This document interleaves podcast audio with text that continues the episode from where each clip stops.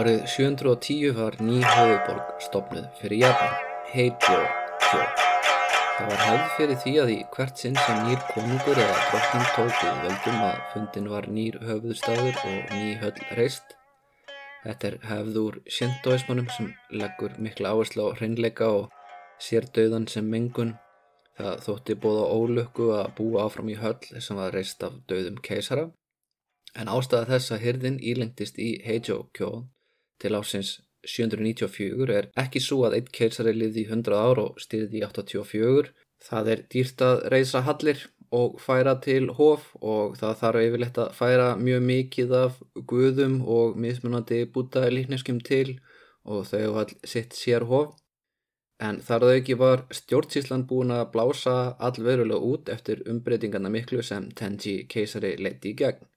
Kínverska innrásin sem allir óttust á hans valdatíð varð aldrei að raunveruleika en engu að síður varð Japan kínverskara og kínverskara.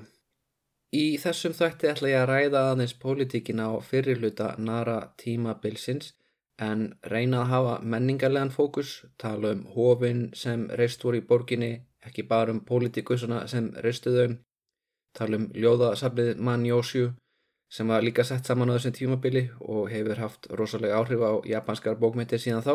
Ljóðasöfn í dag eru kannski ósköp meinlaus en á narratímabilinu var það mikilvæg pólitísk ákvörðin hver fjekk og hver fjekk ekki byrt ljóði í keisararlegum rítum. Þetta er að sjálfsögðu gert að kínverskri fyrirmynd, tangveldið var á sínum hápunkti og Höfuborg Kína, Chang'an, var fyrirmynd Nara. Kínveskir sérfræðingar í höfuð áttunum fengu að ákveða legu borgarinnar og eins og alveru kínvesk borg þá var hún hafð ferkvöntuð og gödurnar eins beinar og hægt var. Mjög margir japanskir aðhalsmenn fóru út til Kína að læra stjórnsíslu og heimsbyggi og komu tilbaka til Japans með þessa þekkingu. Það er endar dæmi um einn aðhalsmann sem ílengtist þar Það er Abeno Nakamaro sem þótti mikið skáld og fræðimæður. Hann fór sem hluti af sendinen til Chang'an að læra kínversk fræði, tók opimbera ennbætismannaprófið sem Tang keisararnir notuð til að manna sína stjórnsíslu og var eftir það gerður að landstjóra yfir hluta Vietnám og snerið síðan eftir það aldrei aftur til Japans. Það var kannski þótt betra að vera háttsættur ennbætismæður í Kína heldur en eh, aðalsmæður í Japan. Kína er náttúrulega miklu starra og, og á þessum tíma miðpunktur heimsins bæði í huga kínvera og í huga Japana. En þessi saga undirstreykar held ég líka mjög vel hversu vel að sér yfirstittin í Japan var í kínveskum bókmyndum. Það er engin að fara að ná góður einhvern í svona embætismannaprófi að þess að kunna klassiska kínvesku geta orrt á kínusku, tólkað ljóð og skrifað rítgerður um speki konfúsiusar eins og heimamaður, já, eða betur en flestir heimamenn. Á naratímabilinu voru lög Japans nánast alveg þau sömu og kínuska kesaraveldisins, þó með þeirri undantekningu að embætismannapróf voru ekki nótuð til að velja fólk í stöður við hyrðina. Keisarinn útlutaði ákveðnum ættunes embætti og þau erðust frá föður til sonar og það mun reyndar koma upp smá krísa þegar sendinendin kemur frá Kína með tveimur ofur mentuðum gáfumönnum sem aðna fóru með honum aðbeðangað, aðeins meirum það síðar, en eins og í Kína þá reistu keisarnir í Japan hof til dýrðar Buddha, þeir létu reyta sakfræðiritum sögulandsins og létu taka saman ljóðasöfn því það var gert í Kína líka. Allt sem kínarska hirdin gerði ætluðu Japanir á naratímabilinu líka að gera. Nú, ef þið heimsækir Nara einhvern tíman eins og borgin heitir í dag og það ættu þið að gera ef þið hafið tækifæri til, þá uppgötu þið frekar litla japanska borg með fullt af gæfum dáturum, ráfum, göturnar og betla keks. Það eru sumar óbúrslega árasækjarnar og fara á jafnvelóðin í vasan á fólki og ég lendi því sjálfur þegar ég var þarna, það er umkringdum mig og sumar reyndu að stanga mig, ég vonum að það myndi færa þeim meira af nami, en Sagt er að þrjumuguðin Takamika Suchi hafi komið á bakinu á kvítu dátýri til borgarinnar til þessa vendana og síðan þá hafa verið heilug dátýri grend við Kasuga hofið. Og þið munið eftir honum Takamika Suchi úr fyrir þáttum, það var hann sem ógnaði guðunum í Ísumo hér aðeim með því að sitja á sverðsóti fyrir framann höllina þeirra. Það til þið gáðust upp og það er líka hann sem hjálpaði fyrstu keisurunum með því að lána þeim galdrasverði sitt sem ég er vissum að ég er búin að nefna í einhverjum þætti nú þegar Eh, Kasuga-hófið var hóf sem Fujiwara-ættin reisti í nýju höfuborginni. Enda voru þeir afkomundu presta sem röktu ætti sínar til þessa þrjumu guðs og fleiri guða. Eh, Nakatomi-ættin sem hafi barist gegn Soka-ættinni og bútismannum og verið diggustu þjónar Yamato-ættarinnar reyndar bara álitinn næst þeim í heilaðleika. Þessi ættaði umbreyst í Fujiwara-ættina þegar Nakatomi no Kamatari tók þátt í valdráni Nakano Oe árið 645 og Fujiwara no Kamatari hann náði að gifta dætu sínar bæði með Otomo og Oama prins sem börðust um völdin í síjasta þætti. En hvorugar þeirra náði að verða drottning sem einhvað síður hjælt áfram að vera metnaður hjá Fujiwara ættinni að taka stöðu soka ættarinnar með því að gifta sinni í keisarafjölkytuna og aðstóðana aðstóða svona innan gæsalappa skulum við segja við að stýra ríkinu því hugmyndin eru þetta svo að keisarætni taki að sér að sinna helgiatöfnunum og Fujiwara ættin sjáu um rest en keisarættin á þessum tíma hafði ekki gefið þeim færi til þess þau höfðu haldið áfram að gifta sig innbyrðis og aðal eiginkona hvers keisara eða aðal eiginmaður hverjar keisara innju var alltaf ná skildur þeim. Þetta var alltaf Yamato og batnið alltaf hreinræktaður Yamato. Eins og því munið þá var Tenmu keisari giftur bróðu dóttu sinni og þegar hann lérst þá tók hún við stjórnatömunum og var Jito keisareinja. Jito sagði af sér keisaratillinum og leiði sonar sinni sínum að taka við sem keisari að nafninu til. Það er að segja hann var Tenno og sá um helgi aðtapnir og hún helt áfram að stýra landinu meðan hann gerði það en þegar hún lést þá hefði þessi Mónmu keisari sennilega átt að taka við eiginlegum völdum en því miður lést hann sjálfur stuttur síðar einugist 25 ára að aldri. Þannig að það var móðir Mónmu keisara Genmei sem var keisara innjá. Hún var reyndar hálfsisti Dito, það er áttu sama föður Tenji keisara en sitt kora móðurina en reyndar það skontna við það að það mæður þeirra tvær voru reyndar sýstur, þar eru báðar dætur Sokan og Maro, síðasta meðlemi Soka ættarinnar sem náða að gifta dætur sínar með kesara. Genmei var þannig ekki bara móðir Mónmu kesara, heldur líka ömmusistir hans og haugluslega náskild franka eiginmannsins. En við skulum ekki hugsa ómikið um þetta, giftast bróðu dóttuðinni eða ömmusistur það þótti allt í lægi og það treyði að keisara fjölskyttan heldi völdunum innan fjölskyttunar og þau myndi ekki færast í hendur einhverja eins og Fujiwara-ættarinnar sem var stöðut að reyna að tróða upp á hana nýjum hjákonum. Og hér gerir svolítið sem mörgum íhaldsmennum í dag þykir óþægilegt að ræða í sambandi við keisarættina. Genmei sagði af sér og næsti Tenno, næsti keisari í rauðinni, var líka kona. Það voru sér sagt þrjár konur í rauð, aðstu valdhafar í Japan og ekki bara tákgrænt, ekki bara aðstu prestar, heldur líka sem ríkistjórar. Eh, það er mjög skondið því í dag er konum bannaða gegna keisaraembættinu í Japan. Íhaldsmenn haldaði ótt fram að þetta byggja á fornri hefð að því að embættið erfist í föðurleg og svona það hefur yfirleitt gert það síðan á næra tímabilinu en laugin sjálf eru þó ekki nema frá 19. öld og til þess að við kaupum þennan raukstyrning þá þurfum við að hunsa meirað með allt næra tímabilið og stóran hluta 17. og 18. aldar til þess að þau make sense. En Genmei átti nefnilega engan svon í öllu falli svo hún gerði dóttu sína Gensho að keisara inn í staðin og hjælt áfram að stýra landinu í nafni dóttu sinnar. Þið munið frá fyrri þáttum að keisarin hafði svo mikið að helgjatunum að hann mátti bara ekki að vera að því að stýra það skýrir hversna þeir eru alltaf að segja af sér láta því hendur á einhverju badni sínu eða badnapadni og sjáu síðan um þetta svona for real En við þetta fyrirkomulega var Fujiwara ættin alls ekki sátt. Hún lobbyjaði fyrir því að sonur Monmu erði settur í erðaröðina. Og það hljóma nú ekki mjög ráttækt að segja sonur síðasta keisarægi að erfa ríkið en það þótti það samt að því móðurinn var ekki drottning úr keisarættinni heldur hjákona úr Fujiwara ættinni. En verði ekkert að hafa ágjörði þótti náðu ekki alveg að fylgja þessum ættalínum. Þessar ættalínur eru svolítið að fara í ringi og út um allt og allir eru að giftast innbyrðis Það sem þið þurfum bara að hafa í huga er það að á þessum tíma eru mjög margar drottningar. Fujiwara ættin er stöðugt að reyna að koma einhverjum sem er skildur þeim í valdastól og verða þannig stöðugt til vandraða og fólk innan keisarættarinnar er mjög meðvitað um þessu áallun. Til dæmis týpur eins og prins Nagaya sem er annað badnabad Tenmu og er endar sonur elsta sonar hans.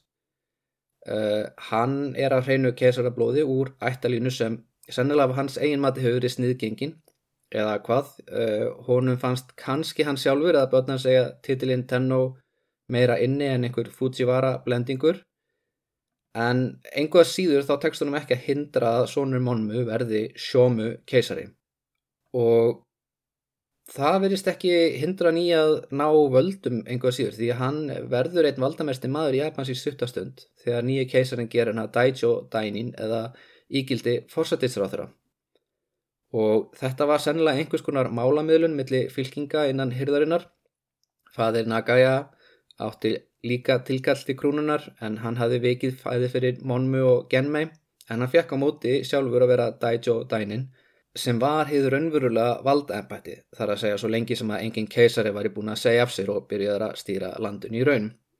Og þetta hefði geti ímyndið mér alveg geta haldið áfram að þróast svona að einn ættaliður Yamato-ættarinnar myndi gegna fórsættisráþar embættinu og önnur ættalínan sæjum hitt tákrana aðstaprest embætti og svo getur þau aftur gifst innbyrðis en Fujiwara-ættin var ekki tilbúin að gefast upp þarna. Árið 729 þegar Nagaya hafði verið fórsættisráþurra eða ríkistjóri í fjögur ár var hann ásakaður um svartagaldur af fjórum meðlumum Fujiwara-ættarinnar. Þessir fjórir bræður ásökuðan um að hafa valdið badnadauða innan keisarættarinnar vegna gremju yfir því að hafa ekki sjálfur verið valin keisari og Nagaya var dæmt út í dauða og konas og börn þinguð til að fremja sjálfsmorð. Þetta var fyrsta yfirtaka Fujiwara ættarinnar á völdum í landinu en hún endist stutt. Bræðirnir fjórir sem tóku við helstuður áþar ennbættum eftir þetta við hyrð sjómu keisara létu lífið nokkrum árum síðar í bólusóttarfaraldri sem gekk yfir Japan og þetta vildi fólk meina hefði verið vegna bölvunar Nagaya prins. En að vísu dóu sennilega eitthvað á milli 1 fjörðu eða 1 þriði af íbúum Japans á þessum tíma og eflaust hæst hlutfall í þjættbílunu þar sem keisarhyrðin var en það er ekkert óalgengt að hyrðmenn og keisarhyrðin álittir sem svo að einhver aðalsmaður sem hefur orðið fyrir einhver óriðlæti og dáið í útlæð eh, komi aftur með einhverja pláur eða flóð. Það eru alveg dæmið um það sem er sint og guðir hafi orðið til þannig eins og þegar aðalsmenn á borðið við Michisane voru hraknir í útlæð, degja þar einhver flóðbröðast út og einhver spámaður kemur og segir að þetta sé út af reyði Mitsisane og hann er gerður að sint og góði uh, og síðan munum við setna heyrið þessum þættu um annan uh, hátsettan aðalsmann sem uh, gerir uppreist og deyr en stuttur síðar þegar berglafaraldur brýst út þá er honum kent um og þeir reyna fríðadrögin með því að færa honum fórnir. Þannig að það er mjög algeng hjátrú. En eh, faraldurinn hafði djúbstæði áhrif á þennan unga keisara sem eftir þetta varð mikill bútisti og ég kem inn á það síðar en augljósla var Fujiwara-ættin ekki alveg hætt eftir þetta. Einn meðlumir hennar, eh, maðurinn nafni Fujiwara no Hirotsugu var landstjóri yfir Kyushu. Kyushu var eitt ríkasta svæði Japans á þessum tíma. Þar voru mestu viðskiptin við útlönd og, og eftir Nara var Dai Zafu, hafnaborgin sem tók við ferðalöngum frá Kína og Kóru, stærsta borg landsins. Fujiwara no Hirotsugu sem stýrið þessu svæði, hann gramdist að engin meðlumir í ættans væri í mikilvæga ennbætti við hyrðina og hann krafist þess að keisarin veki úr ennbætti óverðugum mönnum. Þar að meðal voruð það presturinn Genbo og aðalsmaðurinn Kibin og Mabiki sem hann ásakaði um spillingu. Þessir menn voru sannilega ekkert spiltar en meðal ennbættismadurinn þegar glæpur var sannilega sá að vera ekki úr Fujiwara ættinni heldur minniháttar aðalsmenn sem höfðu farið til Kína með sendinend og lært eitthvað í staðan fyrir að erfa bara stöðuna frá pappasunum eins og Hirutsugu hafði sennilega gert. Reyndar fóru Genbo og Mabiki til Kína saman með aðalsmannunum Aben og Nakamaro, þeim unnið aðalsmaðurinn sem náði empatismannaprófi og var gerður í landstjóra í Vietnam.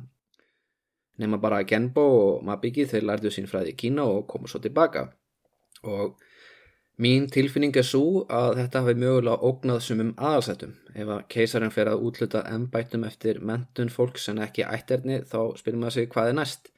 fer hann kannski í alvörunni að útluta landinu til þeirra sem honum sínist eins og hann ætti það eins og stendur í lögum landsins. En Fujiwara uppreysnin mísæknaðist. Sjómu sem sjálfur var hálfur Fujiwara gerðsigraði frænda sinn og skipaði síðan þá ennbætismenn sem honum síndist meðal annars bróður prins Nagaya sem Fujiwara ættin hafði tekið af lífi. Ef ekki hefði verið fyrir það að keisarinn sjálfur var hálfur Fujiwara og Fujiwara ætti nátti stórun hluti því að hann kæmist til valda og auk þessum eiginkona hans og drottning úr af þeirri ætt líka þá hefði þetta mögulega verið endarstöðin fyrir þessa metnaðarfullu ætt af því að nú voru aðal ættarlaugarnir dánir í bólusótt og annar þeirra búin að gera uppreist og tekin af lífi en uh, það er allan að sett smá pása á þessa ætt og við látum þetta líka duði bili sem pólitíst yfirlit Þrátt fyrir bólusótt og upprýstna tilhörnir hafði keisarinn sjaldan haft eins mikið vald. Nýja skattkerfið var að skila tekjum og það skilaði sér í miklum framkvæmdum sem sérst á nara en þann dag í dag. Þegar maður kemur úr lestastöðunni í nara getur maður valið á milli fjölda mustera til að heimsækja. Þau frægustu eru kölluð hinn sjö miklu hóf en áður en ég ræði þau þá langar maður að skýra þess út hvað við erum að tala um þegar við segjum hóf Við vitum öll til dæmis að tilbeðslustæðir kristina manna heita kirkjur og okkur myndi aldrei dætt í huga að tala um að muslimar eða giðingar tilbyði í kirkjum. Við segjum moska eða sínagoga eða bænahús kannski. Þessi hús vitum við að eru ólík hvort öðru. Þannig er það líka með bútískof og synduhof. Þau eru jafnvel enn fjölbreyttari og eiginlega fárulegt að nota sama orðin sem ég er búin að gera en því miður þá á íslensku eru við bara með eitt eða tvö orð við segjum hóf til að lýsa grískum hófum, rómunskum hófum hófum í Egiptalandi til Forna, hófum á Indlandi hófum í Afríku hófum um alla Asju og bara eiginlega um allt sem er ekki engiðistrú en það er ekki svona einfalt fyrir Japani í Japani talaðum Ji eða Dera til að segja bútist hóf og Jinja fyrir Shinto-hóf og hugsanlega væri réttar að tala um síntoísk við heldur en hof. Við eru helgistæðir í ásatrú eða heðni. Blótstaður væri kannski líka nótæft um suma síntoíska tilbestu staði en sem sagt þetta er ekki alveg sumu hlutinir þó þeir hafa haft áhrif á konanan í kannum tíðina. Til dæmis eru bútísk hof yfirlegt úr steinum í dag en síntó tilbestu staðir nota oftar en ekki lífra nefni eins og tré. Frægu japansku steinagararnir eru úr bútískum hofum en eh, síndóprestar held ég myndu frekarleifa mós og trjámavaksa og dapna heldur en að breyta bakarið hófsins í lífarna reyt eh, sem kannski undirstrykkar ólík viðþorf síndó og bútismans til lífsins, döðans og tilvörunar annað fagnar döðunum, hitt fagnar lífinu þetta er alhæfing en, en hún á svona yfirleitt við og, og við sjáum að eh, stóru síndófiðin þau eru með mikið af náttúri kringum sig, mikið af skóum sem er bannað að veiða, bannað að högva tríðan, uh, í raun bara bannað að raska uh, friðinum. En förum aðeins yfir þessi frægu bútahofsjö og síntóísku vien sem við getum skoðað í nara. Númer eitt er Dayanji, það er bútist hof sem var stopnað árið 639 og var áður kallað Kutaraji sem merkir kóreska hofið en Kutara var gamla orðið yfir konungdæmið Bekkja sem nú á naratímabilinu er því miður horfið en lifir áfram meðal annars í svona hofum og það er náttúrulega bara lýsandi að þeir nefna þetta kóreska hofið að því að bútismin kemur í rauninni gegnum kóri og samböndira við Bekkja. Eh, Númer tvö er Horyuji, það er annað gammalt hof, eldra en borgin sjálf líka. Musterið var stopnað af Shotoku prins árið 607 Þið munið eftir honum, hann var hálfur Soka, hálfur Yamato og mikill konfúsionisti og bútisti. En fordlefa uppgriftur staðfesti að hófið var eitt sinn hluti af höllans og því að í nokkuð viðegandi hann sé tilbegin hérna sem svona nokkuð skonar bútískur dýrlingur. Það er 32 metra hár turd sem knæfur yfir hófunu en hann gæti verið einn elsta viðarbyggingi heimi því sangam aldursgreiningu eru bjálkarnir í honum úr 3 sem var felt árið 594 eða meir enn 200 árum áður en landnam á Íslandi hóst. Hluti af hófinu var tekin í sundur og falin í setni heimstyröld sem var ónöðsilegt því hófin í Nara voru á lista við byggingar sem bandamenn ætliði ekki að varpa sprengjum á. Og það heila sýnir svolítið hvað bandarækjum hefur farið aftur í siðferði síðan þá því að Um daginn hótaði Trump að sprengja fordminjar í Íran, nokkuð sem að, ef við spáum í það, nokkuð sem að Trúmann fórseti hefði ekki einu svona íhugað og hann er samt maðurinn sem að varpaði tveimur kjartnokkursprengjum. En aðna, sem betur fyrir þá er Horiuchi þarna ennþá og verður sennilega nefnir eitthvað ræðilegt gerist, 7.9.13. Númið þrjú er Kofuguchi, það var stopnaða eiginkonu Fujiwara no Kamatari, forföður Fujiwara ættarinnar Þetta er stort bútistóf sem naut þess lengi að ættin væri ímest svo valdamesta eða mest valdamesta ætt landsins í nokkur undrað ár. Númer fjögur, Yakushichi, það var stopnaða Tenmu til að byggja fyrir heilbriði eiginkunas og það virkaði því hún lifðan af og varð keisarinni að sjálf. Og það er merkilegt því það er fyrst á hófið þar sem Buddha er ekki tilbyðin sem Gautama Siddhartha prins heldur einhvers konar svona kosmískur frumkraftur eða svona goði í sjálfu sér. Og eftir því sem eh, tíminn líður þá munur fleiri afbreyði af búta vera tilbyðin sem guðir í sjálfu sér, ekki sem síðapostular eða dýrlingar heldur sem eh, guðir ákveðina fyrirbriða þannig að eh, svona bútismin þróast yfir í að verða einhvers konar fjölgýðustrú líka sem er svolítið skondin þróun. Númið 5 er Gangochi Það var uppröndilega stopnað að Sokan á Umako því munið eftir honum það var fyrsti aðalsmaðurinn sem talaði fyrir bútisma og hann var ættarhauð Soka ættarinnar á þeirra hápunkti. Og eins og þið heyrið á þessar uppdælingu þá eru flest hofin eldri en aðra sjálf og það skýrist líka að því að sömðira voru færð til með höfuborginni. Því að ef hof vildi ekki glata mikilvægisinu þá urðuðu þau að vera í nákvæmni við keisarafjölskytuna og aðrar aðalsfjölskyttur og þessar byggingar syndu ekki bara bænahaldi heldur buður upp á mentun læknistjónustu, þeir eru svona ígildi bæði grunnskóla, háskóla og spítala og söm komist í náðuna ef einhver munkur var nóg heppin að lækna keisara eða börna hans eða vera ráðinn sem ráðgjafi eða kennari þá gáttu þau vera á grætti grein svo lengi sem það samband helt áfram. Og ég veit náttúrulega ekki hvort einhver munkur við Gangoji hafi náð því en einn af þeim sem taldi sig hafa náð uppljómun uh, samanberð ljóð eftir hann sem að rataði Manjásjú var við það hof og það er svolítið skondið, ég ætla að lesa uh, þýðingum mín á því. Hvítur gimsteinn sem enginn sér, hvað með það þó enginn viti, ég sjálfur veit virði hans, þó enginn annar, það verður bara að hafa það. Höfundur ljóðsins vil meina hans er búin að ná andleri uppljómun á við búta en því miður virðist enginn annar taka eftir því að hann berið hennan hvíta gimsteinn en einhvern veginn hljómar það hjágóðlega að einhver sem er komið með uppljómun á við búta sjálfan láta það fyrir töðunar á sér að enginn sjá í umbreytinguna. En uh, það eru þetta góðu möguleiki á því að skáldi sig að gera grína sjálfur sér, við vonum það allavega. En það voru ekki bara búti í skofi, ég var búin að nefna Kasuga Jinja Kasuga Hof eða Kasuga VM sem þrjumuguðin er tilbyðin á samt öðrum. Og í bakarið þess er fallugur skóur þar sem um 1200 dátir hafast við Þetta er núna almenningsgarður en á narratífambilinu var þetta Shintovie Fujiwara fjölskyttunar. Og það finnst mér ofinbera einn af helstu kostum Shintoisma að sögum þessa ákveðinu guðir eru tilbennir á vissum stöðum þá er annað að raska ró vildýralífsins þar í kring. Og það er alveg hugsanlegt að þessi skóur sem er aðna í kringum hofið eða, eða Kasuga Vie sé í söpuð ástandu og hann var á steinaldartímabili Japans. Í borgin eru líka önnur Shintohof sem eru til einhver stríðskuðunum Hachiman sem jógst verulega í mikilvægi á þessum tíma því að hann er talin hafa svarað bænum keisarans þegar hann baða til hans um að sigra uppreist Fujiwara no Hirotsugu og hann mun leika stærra hlutverk í næsta þætti þess að hann blandast inn í pólitíkina á síðari hluta narratímabilsins.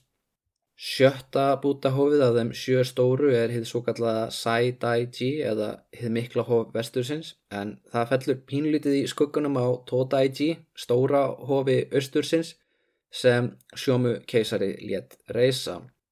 To-Dai-Ji varð til að miðbygg narratímabilsins og varð að höfustöðum bútismans í Japans og enn þann dag í dag þá er þetta stærsta viðabygging í heimi. Ég endur tek að þetta er stærsta viðabygging í heimi og hún var reist árið 752. Byggingin þurfti líka að vera stór því hún hýsir Daibutsu. Daibutsu er uh, svona stór bútaðilíkneski, það er fullt af Daibutsu út um allt Japan og, og með þess að stærri en þetta sem er inni í þessari byggingu það var eitt reist 1993 sem ég hef séð sem er um yfir 100 metra hátt þannig að það er svo svona frelsistittan en maður bara búta en bútalíkniskið inn í Todaiji eh, var það stærsta á sínum tíma. Eh, það er um 15 metrar á hæð. Það er að segja jafnhátt og orgelið í Hallgrímskirkju. 28 metrar á breytum axlinnar sem er sipað og þilfar bátsins Titanic. Og það vegur um 500 tonn. Og stittan þurfti svo mikið af gull og bronsi að sjómu keisari þurfti að innkalla alla kopar og bronspenninga í ríkinu og flytja inn fullt af gulli. Til þess að reysa þetta líkneski og bygginguna er talið að alltaf 2,6 miljónir manna hafi staðið að verkinu í einhverju mynd í meir en áratug.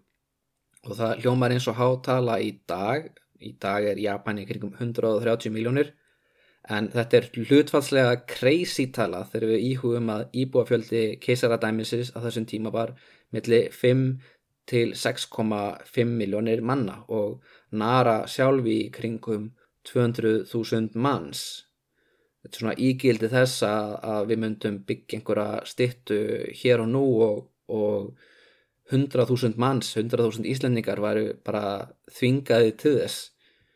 En Daibutsu er þarna ennþá og þið getið skoðað hann ef þið í borgina. Ég myndi eiginlega segja að það sé aðal attraktsjónið í Nara en því miður eru turnarnir sem voru reisti líka á þessum tíma hornir þegar byggingin var nýræst voru tvær hundra metra háar pakótur við hófið pakóta er bara orði við svona kínveskan uh, turn við uh, svona hóf eða klöstur en svo ég grípa aftur í Hallgrímskirkju líkinguna þá er það 25 metrum herra en Hallgrímskirkja sjálf.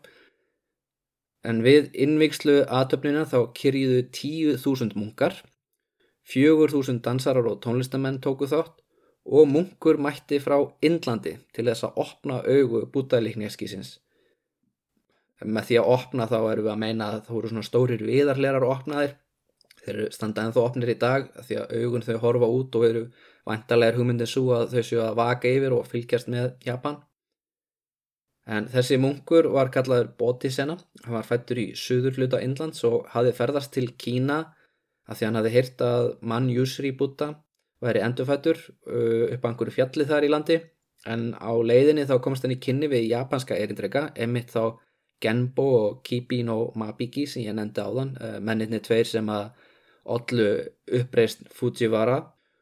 Og hann fylgdi þessum gaurum til Nara svo hann geti kent aðalsmunum kynversku og sanskrit og leiðbenti gegnum indverska helgeteksta og Hann bóði Huayan bútisma sem snýst í kringum Avatam Saga sútruna og bóðar að Vairo Kana, hinn læknandi búta, sé inn í öllu sem er til.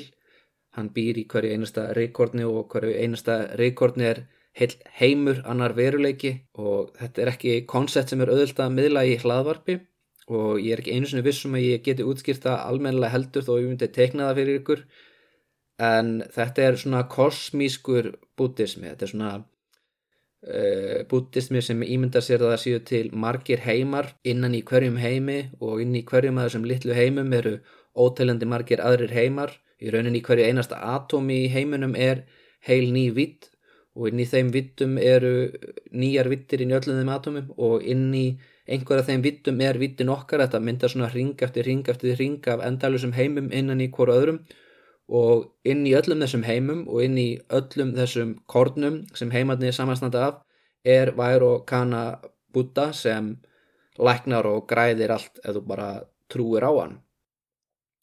En það var auðvitað nokkuð viðjandi að bótið sena sæjum að výja stittuna með keisranum því þetta stóra líkni skerim þessi vær og kana sem hann bóðaði hinn læknandi kosmíski búta sem er inn í öllu og allstaðar. En þetta vekur samt spurninguna Hvers vegna var sjómu keisari reyðubúin að gera landi sitt gjaldróta og eigða meirilut af landsframlegslu í heilan áratug til að byggja þetta líkneski? Í hans huga var þetta mögulega einhvers konar þjóðarauríkismál. Sjómu var afartrúaður eða varð afartrúaður eftir bólusóttar faraldurinn sem draf friðung þjóðarinnar árið 737 og eflaust hefur ekki orðið minna skelkaður þegar það er uppreist bara þreymur árum síðar sem hefði alveg vel geta komið um að valdastóli og á þessum tímabúndi þá er þessi bótisenna nýkominn til hyrðarinnar á samt prestinum Genbo sem hafði lært í Kína og var talin að hafa lækningamátt. Þannig að það er ekkert skrítið að keisarinn leiti til einhverjum svona helgi manna og gaman að segja frá því að ekki bara kemur með þeim þetta afbreyða bútisma, heldur líka spilið Go, það er svona nokkus konar kínversk skák sem er með hvítum og svörtum steinum. Go hefur verið spilað í Japan síðan 740 cirka En með því að byggja bútalikniskið og láta það vaka við þjóðinni þá var sjómu talið trúum að hann væri að hindra frekari pláur. Það verði ekki aftur járskjáltar, ekki eldgós, ekki flóð, ekki þurkar, þú tryggir frið og stöðuleika. Þannig að þetta er ekki í rauninni svo ólíkt því og í okkar huga að setja peningi að þróa nýtt bólefni eða byggja snjóflóðavarnagarð eða kaupa sér slísavarnatryggingu. En það er ekki bara hof og bútalikneski sem lifa áfram frá tíma sjómu keisara, heldur er líka fyrsta stóra bókbendafari japansku þjóðareinar eh, mann Jósju frá þessum tíma. Ég ætla að taka fram að ég get ekki lesið mann Jósju frumtekstan eða skilið ef út í það verið. Stór hluti ljóðana eru skrifuð á klassískri kínversku og með vísanir í sögur og önnu ljóð sem ég hef bara alls ekki þekkinguna til að ráða í. Oft á tíðum er það þannig að það sem þykir hámenning í dag er bara eldgömmul lámenning en það á ekki við um mann Jósju. Ljóðasafnið var alltaf hámenning. Það er skrifað af aðalsmönnum fyrir aðra aðalsmenn og það er gert ráð fyrir tölverði þekkingu á klassiskum tekstum í sumum tilvökum. En ljóðin eru ekki bara á kínversku, þetta er svona brautviðanda verk því að þarna fáum við líka japansku ljóð. En þau eru á svo litið sérkenleiri japansku, ekki bara gömul japanska heldur er það japanska sem er ekki skrifuð eins og við þekkjum hann í dag með svona blöndu af hiragana og katakana hljóðletri og kínverskum táknum af því það var ekki búið að finna upp þessa þá tækna þeim tíma. Þannig að Japanir nota þessi stað svo kallað manni og gana sem er einmitt nefnt eftir þessu riti og það felur í sér að nota kínversk tákn til að skrifa hljóðin sjálf. Og það leiðir í Það gerir það verkum að ef einhver kynveri myndi að reyna að lesa ljóðin í mannjósu þá myndi þetta hljóma eins og algjört bull. Það myndi kannski sjá hérna línu, þessum stæði sól, lauf, skél, íkotni, nöyt, kerti, konungur og reynda átt að segja á, þú veist, þetta hljómar eins og einhver surrealismi en í raun og veru þá áttu ekki að lesa táknin og merkinguðra heldur áttu að lesa hljóðin. Mannjósu þýðir tíu þúsund lauf og inni heldur ljóð eins og eftir munkin sem ég las áðan. Eh, líka ljóð eftir fjölmarka keisara þar á meða ljóð eftir Tenji sem ég las í sjönda þætti þar sem hrísgróna agrarnir liggja leitaði ég skjóls. Og það allt saman ermi mín er geggvot hvort það voru tárin eða regnið veit ég ekki. Mörg af ljóðunum sem aðalsmenn og keisarar skrifið í mann Jósju lifa áfram Þau vinsælustu fjalla yfirleitt um óendurgoldna ást eða einhver romantísk mótíf og það eru bæði kvenkins og kalkins höfundar. Eh, mörg skáld komu úr Fujiwara ættinni, fjölmörg önnur úr keisarættinni og að munkum undanskildum þá eru nánast öll skáld af miklum aðalsættum.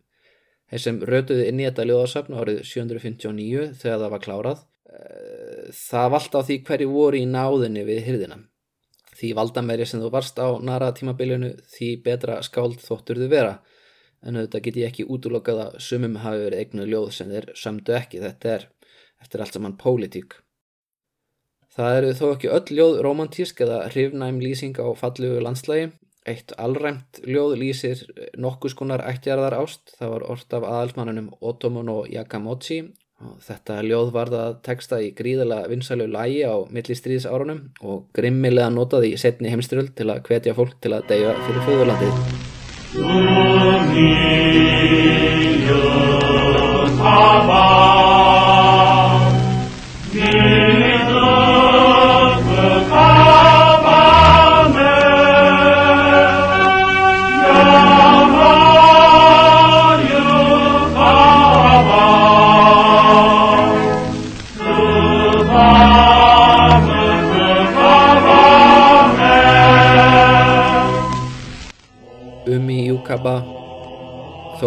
drukni í sjónum Þó ég farist á landi. Ef það er fyrir keisarum Það hef ég enga eftir sjá. En núna tveimur kjarnorku sprengjum síðar þá er það kyrfilega dóttið úr tísku og hljóðiði líka að, já, nema þú sért kannski auka hægri maður þá ertu yfirlegt ekkert mikið að spila það en ópolítísku ljóðin sem finna má í mann Jósju lifa áfram góðu lífi já allavega mörg þeirra. Og það er mikið að skrúðgörðum með blómum sem koma fyrir í textum mann Jósju svona svo kallar mann Jó Garðar og það er ekkert slæmi hugmynd að tjekka á þeim ef maður er í Japan og búinn að heimsækja bæði Nara og Todaichi. En eins og þið heyrið þá er buddhismin og keisarættin að ná ákveðnum hápunkti þarna. Í næsta þætti mun ég ræða eina dramatískustu og skemmtilegustu drottningum í sögu Japans. Það mun hrykta svo í stóðum keisaraveldisins að það mun næstuði í líðundir lok.